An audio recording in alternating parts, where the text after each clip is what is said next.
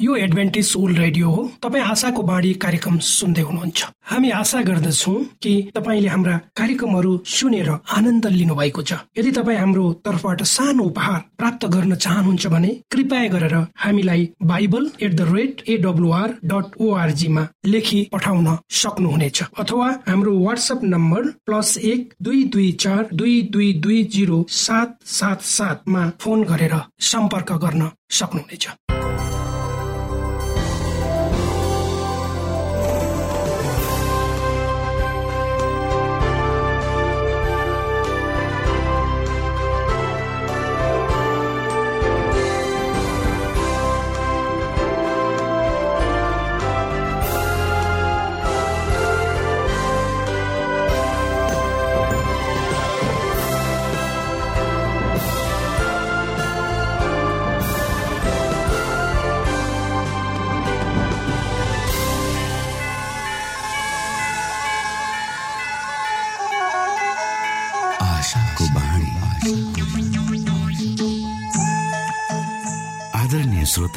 नमस्कार। यो समय तपाईँ एडभेन्टिस्ट ओल्ड रेडियोको प्रस्तुति भोइस अफ होप आशाको बाणी कार्यक्रम सुन्दै हुनुहुन्छ। कार्यक्रम प्रस्तुता म रवि यो समय तपाईँको साथमा छु। आफ्ना प्यारा श्रोताहरूको न्यानो माया र धेरै उत्साह दिने सकारात्मक प्रतिक्रियाहरूको सङ्गालो साथै लिएर आशाको बाणी कार्यक्रम डाँडा काँडा गाउँ बेसी हिमाल मधेस सुन्दर नेपालको सबै नेपालीलाई अनि मातृभाषा नेपाली बोल्ने अनि बुझ्ने प्रवासी नेपाली माझ पनि एउटा मन पर्ने कार्यक्रमको संज्ञाका साथ अगाडि बढिरहेको छ। हरेक दिनको कार्यक्रमहरू नयाँ र विशेष आत्मिकी बनाउनु हरेक श्रोताको चाहनालाई समेट्ने प्रयास गर्नु र तपाईँ सबैलाई हाम्रो मुक्तिदाता को हुनुहुन्छ भन्ने परिचय गराउनु हाम्रो उद्देश्य हो। यसमा तपाईँले हामीलाई साथ दिनुभएको छ। यसको लागि तपाईँलाई हामी धेरै धेरै धन्यवाद दिन चाहन्छौ। परमेश्वरको नामको महिमा होस्। आज पनि हामी बाइबलबाट शिक्षाप्रद सन्देशहरू सुन्नेछौँ।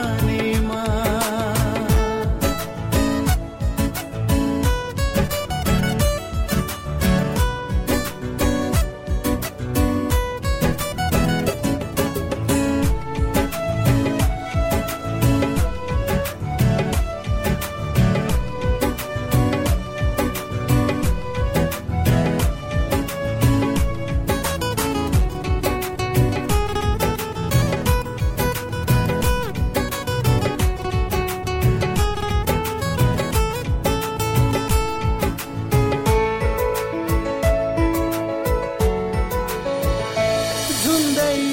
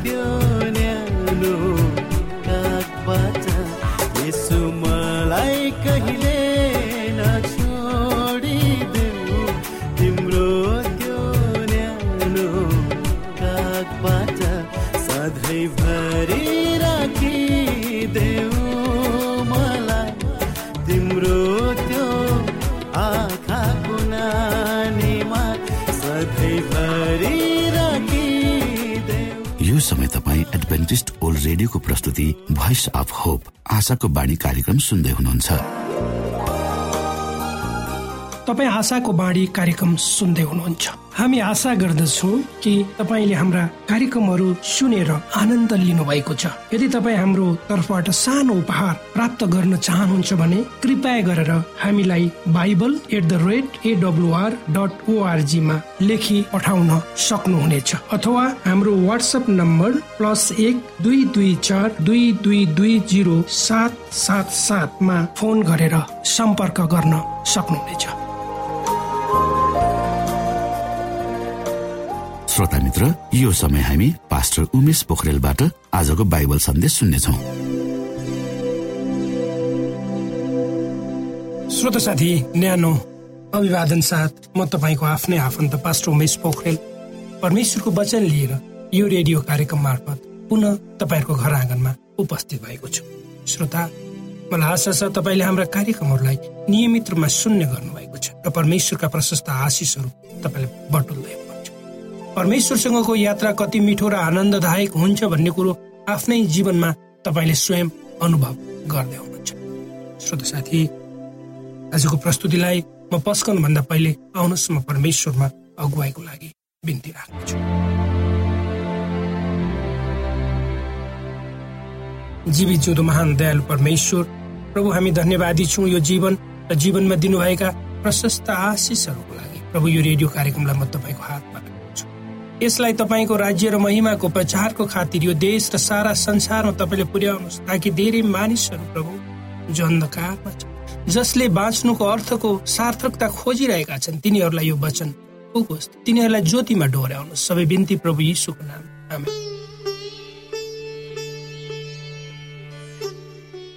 श्रोत साथी परमेश्वरले मानिसलाई बचाउन कसरी काम गर्नुहुन्छ भन्ने कुरा पवित्र धर्मशास्त्र बाइबल का धेरै पाठहरूमा हामीले सहजै पाउन सक्छौँ। के तपाईँहरूले कहिले सेप्रा वा पातला अन्नका बालाले असल भरिला बार्लाहरूलाई निलेको सपना देख्नु भएको छ? अर्थात् के तपाईँ हामीले अर्थात् के तपाईँले कहिले सपना देख्नु भएको छ? मलाई आशा छ हामी सबैले सपना देख्छौँ। अथवा दुब्ला गाईहरूले सप्रेका मोटा गाईहरूलाई खाएको सपना देखेका छौँ त? तपाईँले देख्नु भएको छ कि छैन श्रोता? मैले त देखेको छैन। तर मिश्र देशका राजाले आफ्ना दुई बेग्ला बेग्लै सपनामा यिनै कुरा देखेका थिए र कसैले पनि आफ्नो सपनाको अर्थ बताउन नसकेको कारणले क्रोधित र चिन्तित बन्न पुगेका थिए। मिश्र देशका मानिसहरूले आफ्ना राजालाई फारो भन्ने गर्थे। र पवित्र धर्मशास्त्र बाइबलको उत्पत्ति एकचालिस अध्यायको एकदेखि केही पदहरूमा पढ्न चाहन्छु श्रोता तपाईँहरूको लागि यो कथालाई म अगाडि बढाउनको लागि यसको पुरा दुई वर्षपछि फारोले एउटा सपना देखे। सपनामा उनी निल नदीको किनारामा उभिरहेका थिए। निल नदीबाट सातवटा खुब सप्रेका मोटा मोटा गाईहरू निस्केर आए र काँसको घारीमा चर्न लागे। त्यसपछि अरू सातवटा हड्डी र छाला मात्र भएका दुब्ला दुब्ला गाईहरू निल नदीबाट तिनीहरूका पछि पछि निस्के। र निल नदीको किनारामा उभिरहेका पहिलेका गाईहरूसँगै उभिए। ती हड्डी र छाला मात्र भएका दुब्ला दुब्ला गाईहरूले ती सातवटा सप्रेका मोटा मोटा गाईहरूलाई खाइहाले अनि फारो पिउँछ त्यसपछि उनी फेरि निधाएर अर्को एउटा सपना देखे सातवटा भरिला र असल अनाजका बाला एउटै डाँठमा उम्रिरहेका थिए। त्यसपछि सेप्रा र पूर्वीय बतासले ओइलाइएका अरू सातवटा अन्नका बालाहरू बसाए अनि ती सेप्रा बालाहरूले ती सातवटा असल र भरिला बालाहरूलाई निलिहाले अनि फारो बिउजे त्यो सपना रहेछ भने उनलाई थाहा भयो। बिहान उनको हृदयमा भारी चिन्ता पर्यो अनि उनले मिश्रका सबै जादुगर र त्यहाँका सबै ज्ञानी पुरुषहरूलाई बोलाए। फारोले तिनीहरूलाई आफ्ना सपना बताए तर फारोलाई सपनाको अर्थ खोलिदिने उही भएन। त्यति बेला योसेफ जालखानामा बन्द थिए। र कसैले राजालाई उनको सपना जालखानामा बन्द भएको योसेफले बताउन सक्छन् भनेर भनेथे त्यसपछि फारोले योसेफलाई बोलाउन पठाए। उनीहरूले तिनलाई जालखानाबाट निकालेर ल्याए। तिनले दारी र कपाल खोरे लुगा फेरे अनि तिनी फारोको सामुन्ने हाजे जब राजाले आफूले देखेको सपना बताए तब परमेश्वरले योसेफलाई उक्त सपनाको अर्थ बताउनु। राजाले सपना देखे झै ती सातवटा मोटा गाईहरू तथा ती सातवटा असल अन्न बालले बालाहरू जस्तै मिश्र देशभरि सात वर्षमा प्रशस्त अन्न उब्जनी हुनेछ। त्यसपछि ती सातवटा दुब्ला गाईहरू वा सेप्रा बालाहरू झैँ त्यहाँ सात वर्षमा अनिकालको समय हुनेछ। समयमै केही उपाय नअपनाएको खण्डमा त्यस अनिकालको समयमा त्यहाँ पुग्दो खानेकुरा हुने छैन मानिसहरू भोक भोकै मर्नेछ। योसेफले फारोलाई पहिला नै योजना बनाउन सक्ने एक सक्षम व्यक्ति खोज्ने सल्लाह यदि पहिलो सात वर्षको अवधिमा पर्याप्त मात्रामा अन्न सञ्चय गरिएको खण्डमा अनिकालको समयमा मानिसहरूका निम्ति अन्न बाँकी रहनेछ र यस प्रकार कोही पनि भोकै रहनु पर्ने छैन। युसेफले फारोको सपनाको अर्थ बताउनुको साथसाथै उनले एउटा योजना के गर्नुपर्छ त्यो पनि बताइदिए र त्यो कुरो फारोले स्वीकार गरेको हामी पाउँछौँ। युसेफको जीवनमा कति छिटो परिवर्तनहरू आए त। कुनै समय झालखानामा कैदीको रूपमा रहेका युसफ अचानक मिश्र देश जस्तो महान साम्राज्यको अधिपति हुन पुगे। सारा थोकहरूको साथसाथै फारोले धुमधाप साथ युसेफको विवाह पनि गरेथे पहिलो सात वर्षको समय अवधि पुरा हुनु अघि तिनीहरूका दुई छोराहरू जन्मे भनेर भनिएको छ। परमेश्वरले फारोलाई सपनामा प्रकट गर्नु भए झै सात वर्षसम्म मिश्र देशभरि प्रशस्त अन्न उत्पादन भयो। बाँकी अन्नलाई सञ्चयका निम्ति योसेफले कैयौँ विशाल गोदामहरू बनाउने आदेश दिए। अब अनिकालको अर्को सात वर्षको समयावधि सुरु भयो। तर योसेफ यसका निम्ति तयार थिए। जब मानिसहरूलाई अन्नको खाँचो पर्यो फारोले जब मानिसहरूलाई अन्नको खाँचो पर्यो तब मानिसहरू चाहिँ युसेफ भएको ठाउँमा आए। जसलाई हामी उत्पत्ति एकचालिस अध्यायको चौन्न पचपन्न पदमा हामी हेर्न सक्छौँ श्रोता। फारोले फेरि पनि योसेफलाई भने म फारो हुँ तर म यो भन्दछु कि तिम्रो इच्छा बाहेक अरू कुनै मानिसले मिश्र देशभरि केही गर्न पाउने छैन। फारोले योसेफको नाउँ सापनत पाहेन राखे र उनले तिनलाई अनेकका पुजारी पोथीपरकी छोरी।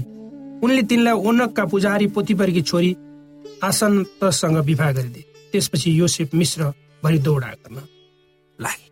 त्यसै गरी हामी मानिसहरूलाई अन्नको हाकार परेको ठाउँ केवल मिश्र देश मात्र थिएन। र त्यो क्षेत्रमा सबैतिर अन्नको हाकार परेको थियो। जब सारा देशभरि अनिकाल परो तब युसेफले सबै धनसारहरू खोलेर सबै मिश्रीहरूलाई अनाज बेच्न सुरु गरे किनकि मिश्रभरि घोर अनिकाल परेको थियो। यसैले सबै देशका मानिसहरू मिश्रमा युसेफ कहाँ अन्न किन्न आए किनभने पृथ्वीभरि नै भयङ्कर अनिकाल परेको थियो। त्यही समयमा हामी हेर्न सक्छौ कनान देशमा भएको त्यो याकुबको परिवार छ त्यो परिवारमा के परेको थियो? मिश्रमा अनाज छ भने थाहा पाएपछि याकुबले आफ्ना छोराहरूलाई भने तिमीहरू किन एकअर्काको मुख हेरेर बस्छौ? मिश्रमा अनाज छ अरे भन्ने मैले सुनेको छु। हामीहरू जीवितै रहने हो भने त्यहाँ गएर हाम्रो निम्ति अनाज किनेर ल्याऊ। यसकारण योसेफका दसजना दाजुहरू मिश्रमा अनाज किन्न गए। तर याकुबले योसेफका भाइ बेन्जामिनलाई चाहिँ तिनका दाजुहरूसँग पठाएनन्। किनकि तिनीहरूलाई केही खतरा आइपर्ला भन्ने याकुब डराउँथे। किनकि तिनलाई केही खतरा आइपर्ला भनी याकुब डराउँथे। यसरी अरू जानेहरूको साथमा इसरायलका छोराहरू पनि अनाज किन्न गए किनकि कनान देशमा पनि अनिकाल परेको थियो। युसेफका युसेफलाई उनका दाजुहरूले एक कमारोको रूपमा बेचेका पनि बिस वर्ष भइसके। यद्यपि तिनीहरू आफ्ना आफ्नो भुलप्रति बढ्दो मात्रामा दुखी बन्दै गएका थिए। तर पनि तिनीहरूले आफ्ना पितालाई साँचो कुरा बताउने साहस पनि गरेका थिए। अहिलेसम्ममा त युसेफको मृत्यु भइसकेको हुनुपर्छ भन्ने कुराप्रति तिनीहरू निश्चित थिए। तर जसै तिनीहरू मिश्र देशमा अन्न खरिद गर्न जाँदै थिए तब तिनीहरूले आफ्नो भाइ युसेफको बारेमा याद नगरी बस्नै सकेन। अनि कालको समयमा योसेफ नै अन्न बेच्ने मामलामा प्रमुख अधिकृत थिए। एक दिन दसजना मानिसहरू एकैसाथ यस योसेफको सामु आइ तिनीहरूले योसेफलाई चिनेनन् तर उनी तिनीहरूलाई चिन्न सक्थे। जब योसेफले तिनीहरूलाई हेरे तब उनको मुटु तेज गति साथ गड्कन थाले। त्यो विषयमा पवित्र धर्मशास्त्र बाइबलको बयालिस अध्यायको छदेखि आठ पदमा यसो भनेको छ। त्यस बेला योसेफ मिश्रका अधिपति थिए। देशका सारा मानिसहरूलाई अनाज बेच्ने पनि तिनी थिए। यसकारण युसेफका दाजुहरूले आएर भुइँसम्म निहुरिएर तिनलाई टोके युसेफले आफ्ना दाजुहरूलाई देखेर चिनिहाले तर तिनले उनीहरूलाई नचिनेको जस्तै गरी कडासँग उनीहरूलाई सोधे तिमीहरू कहाँबाट आएका हो? उनीहरूले भने कनान देशबाट अनाज किन्न आएका युसेफले आफ्नो दाजुहरूलाई त चिने तर उनीहरूले भने तिनलाई चिने। तब युसेफले उनीहरूका विषयमा आफूले देखेका सपना सम्झे। तिनले उनीहरूलाई भने तिमीहरू जासुस हो। यस देशको कमजोरी थाहा गर्न तिमीहरू आएका हो। उनीहरूले योसेफलाई भने हे प्रभु त्यसो होइन। हामी तपाईँका हामी तपाईँका दासहरू अनाज किन्न आए हामी सबै एउटै मानिसका छोराहरू हामी सोझा मानिसहरू हौ। हामी हजुरका दास हौ जासुस होइन तिनले उनीहरूलाई भने होइन तिमीहरू यो देशको कमजोरी थाहा गर्नलाई आएका नै हो। तब तिनीहरूले भने हामी हजुरका दास बाह्रजना दाजुभाइहरू थियौँ। कनान देशका एउटै मानिसका छोराहरू हौ। कान्छो चाहिँ यस बेला हाम्रो बाबुको साथमा छ। एउटा चाहिँ अब छैन। युसेफले उनीहरूलाई भने मैले भने जस्तो तिमीहरू जासुस नै रहेछौ। अब तिमीहरूको जाँच यसरी नै हुनेछ। फारोको जीवनको शपथ खाएर म भन्दछु कि तिमीहरूको कान्छो भाइ नआएसम्म तिमीहरू यस ठाउँबाट जान पाउने छैन। तिमीहरूमध्ये एकजनालाई तिमीहरूको भाइलाई ल्याउन पठाओ। त्यतिन्जेल तिमीहरू थुनामा रहनेछौ। यसरी तिमीहरूको कुरा सत्य हो कि होइन जाँचिनेछ। नत्र त फारोको जीवनको शपथ खाएर म भन्छु कि तिमीहरू जासुस हो। अनि योसेफले उनीहरूलाई एकसाथ तिन दिन थुनामा राखे। युसेफको मनमा अनेकौं विचारहरू उत्पन्न भइरहेका थिए। उनी हतारपूर्वक आफ्नो दाजु भाइहरूलाई अङ्कमाल गर्न चाहन्थे। तर उनी जान्दथे कि यसका निम्ति उनले केही प्रतीक्षा गर्नु पर्नेछ। के तिनीहरूलाई के तिनीहरूलाई उनलाई अझै घृणा गर्छन् होला त? के तिनीहरूमा परिवर्तन आइसकेको छ? बेन्जामिन कहाँ थिए त? के तिनीहरूले बेन्जामिनलाई पनि घृणा त गरेनन्? के उनका पिता अझै पनि जीवित नै होलान्? युसेफले आफ्नो दाजुभाइहरूको युसेफले यी कुराहरू सम्झँदै थिए। युसेफले आफ्नो दाजुभाइको बिटालाई दण्डवट गरेको सपनाको याद गरे। उनले आफ्नो दाजुहरूमा कुनै परिवर्तन आएको छ कि छैन भने पत्ता लगाउने निदो गरे। र उनले धेरै प्रश्नहरू झ्यालखानामा ती दाजुहरूले आफ्नो विगत बारे धेरै चिन्तन गरे। आफ्ना पिता याकुबले कान्छा भाइ बेन्जामिनलाई मिश्रमा देशमा कदापि पठाउने छैनन् भने तिनीहरू निश्चित तर यदि अनिकालको समय लम्बिन पुगेको खण्डमा तिनीहरू अन्न लिनको निम्ति पुनः फर्किनु पर्नेछ। तिनीहरू अब के हुने होला? तिनीहरूको अब के हुने होला भने चिन्ता गर्न लाले थाले। तिनीहरूले यसेपलाई कमाराको रूपमा बेचेका थिए। तिनीहरूले अब हामी पनि सायद कमारा नै बन्नुपर्ने हो कि भन्ने विचार गर्न थाले तेस्रो दिनमा युसेफले एक अनुवादकको सहयोगद्वारा तिनीहरूसित पुनः संवाद गर्न थाले। जब उनका दाजुहरू एक आपसमा कुरा गर्दै थिए तब युसुफले तिनीहरूले बोल्ने सबै कुरा स्पष्ट साथ बुझ्न सक्थे भने तिनीहरूलाई समेत तिनीहरूलाई थाहा समेत थिएन। अन्त्यमा योसेफ त्यहाँबाट हिँडे र उनले आफ्नो आँसु थाम्न सकेनन् भनेर भनिएको छ। र त्यसलाई यसरी लेखिएको छ। हामी आउनुहोस् हामी पढौँ। तेस्रो दिन योसेफले उनीहरूलाई भने यसो गर तिमीहरू बाँच्नेछौ किनकि म परमेश्वरसँग डराउँछु। यदि तिमीहरू इमान्दार हो भने तिमीहरू आफ्नो दाजुभाइहरूमध्ये एकजना त्यहाँ थुनामा बस बाँकी छ। अनिकालमा तिमीहरूका परिवारको भोक मार्नलाई अनाज बोकेर जाऊ र तिमीहरूको कान्छो भाइलाई यहाँ म कहाँ ल्याऊ। यसरी तिमीहरूको कुरा साँचो ठहरिनेछ र तिमीहरू मर्ने छैनौ। उनीहरूले त्यसै गरे। उनीहरू एकले अर्कालाई भने साँच्चै नै हाम्रो भाइको विषयमा हामी दोषी छौँ। किनकि त्यसले हामीसित बिन्ती गर्दा हामीले त्यसको मनको व्याकुलता देखेर पनि त्यसको कुरा सुनेनौँ। यस कारण यो सङ्कट हामी माथि पर्न आयो। रुबेनले उनीहरूलाई जवाब दिए त्यस ठिटाको विरुद्ध अपराध नगर भनी मैले तिमीहरूलाई भनेको होइन र। तर तिमीहरूले सुन्दै सुनेनौ अब त्यसको रगतको बदला हामीले भोग्नु पर्छ योसेफ र तिनका दाजुभाइहरूका बीचमा दोभाषे भएको हुनाले उनीहरूले उनीहरूको कुरा योसेफले बुझ्छन् भने उनीहरूले थाहा नै पाएन। योसेफ उनीहरूबाट एकातर्फ फर्केर रोए तर फेरि उनीहरूतिर फर्केर तिनीहरूले तिनले उनीहरूसित कुरा गरे। तिनले उनीहरूबाट सिमियोनलाई लिएर उनीहरूका आँखाकै सामान्य उनलाई बाँधे। श्रोत साथी आजको प्रस्तुतिलाई हामी अन्त गर्छौँ र यो कथा चाहिँ यसलाई हामी भोलिको पुनः प्रस्तुतिमा अगाडि बढाउने कोसिस गर्नेछौँ। श्रोता भर्खरै यहाँले पास्टर उमेश पोखरेलबाट बाइबल वचन सुन्नुभयो। यो समय तपाईँ एडभेन्टिस्ट ओल्ड रेडियोको प्रस्तुति भोइस अफ होप आशाको बाणी कार्यक्रम सुन्दै हुनुहुन्छ। कार्यक्रम सुनेर बस्नुहुने सबै श्रोतालाई हामी हाम्रो कार्यक्रममा स्वागत गर्न चाहन्छौ। श्रोता मित्र यदि तपाईँ जीवनदेखि हरेस खानु भएको छ तपाईँका जीवनमा धेरै अनुत्तरित प्रश्नहरू छन् भने आउनुहोस् हामी तपाईँलाई परमेश्वरको ज्योतिमा डोहोऱ्याउन चाहन्छौँ। तपाईँ आफ्नो जीवनका चिन्ता फिक्रीबाट निश्चिन्त हुनुहोस् र बाँच्नुको आनन्द परमेश्वरको सामिप्यमा कति मिठो हुन्छ त्यो चाख्नुहोस् भनी हामी चाहन्छौँ। श्रोता यदि तपाईँ आशाको बाणी कार्यक्रमलाई अनलाइन सुन्न चाहनुहुन्छ वा डाउनलोड गर्न चाहनुहुन्छ भने ओआरजीमा जानुहोस्। त्यहाँ तपाईँले प्रत्येक दिनको कार्यक्रम सुन्न र डाउनलोड गर्न सक्नुहुनेछ। हाम्रो वेब पेज यस प्रकार छ।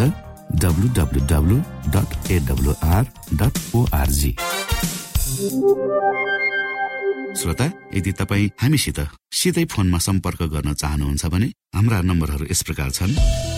अन्ठानब्बे एकसाठी पचपन्न शून्य एक सय बिस। अन्ठानब्बे एकसाठी पचपन्न शून्य एक सय बिस। र अर्को अन्ठानब्बे अठार त्रिपन्न पन्चानब्बे पचपन्न। अन्ठानब्बे अठार त्रिपन्न पन्चानब्बे पचपन्न।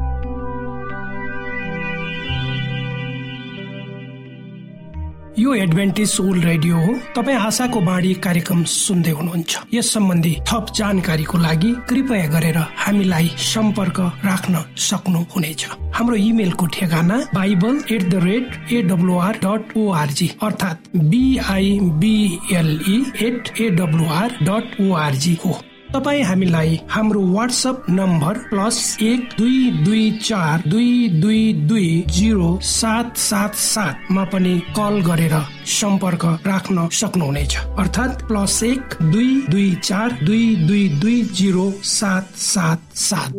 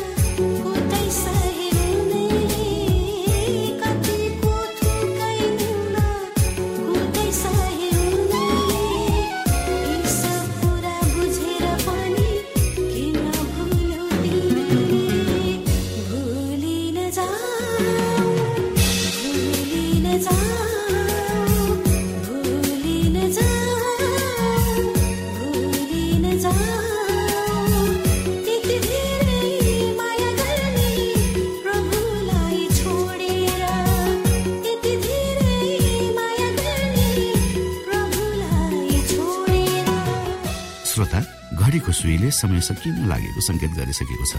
हवस् त श्रोता हाम्रो कार्यक्रम सुनिदिनु भएकोमा एकचोटि फेरि यहाँलाई धन्यवाद दिँदै भोलि फेरि यही स्टेशन र यही समयमा भेट्ने बाचा गर्दै प्राविधिक साथी राजेश पास्टर उमेश पोखरेल र कार्यक्रम प्रस्तुता म रवि यहाँसँग विदा माग्दछौ। परमेश्वरले तपाईँलाई धेरै धेरै आशिष दिनुभएको होस्। नमस्कार।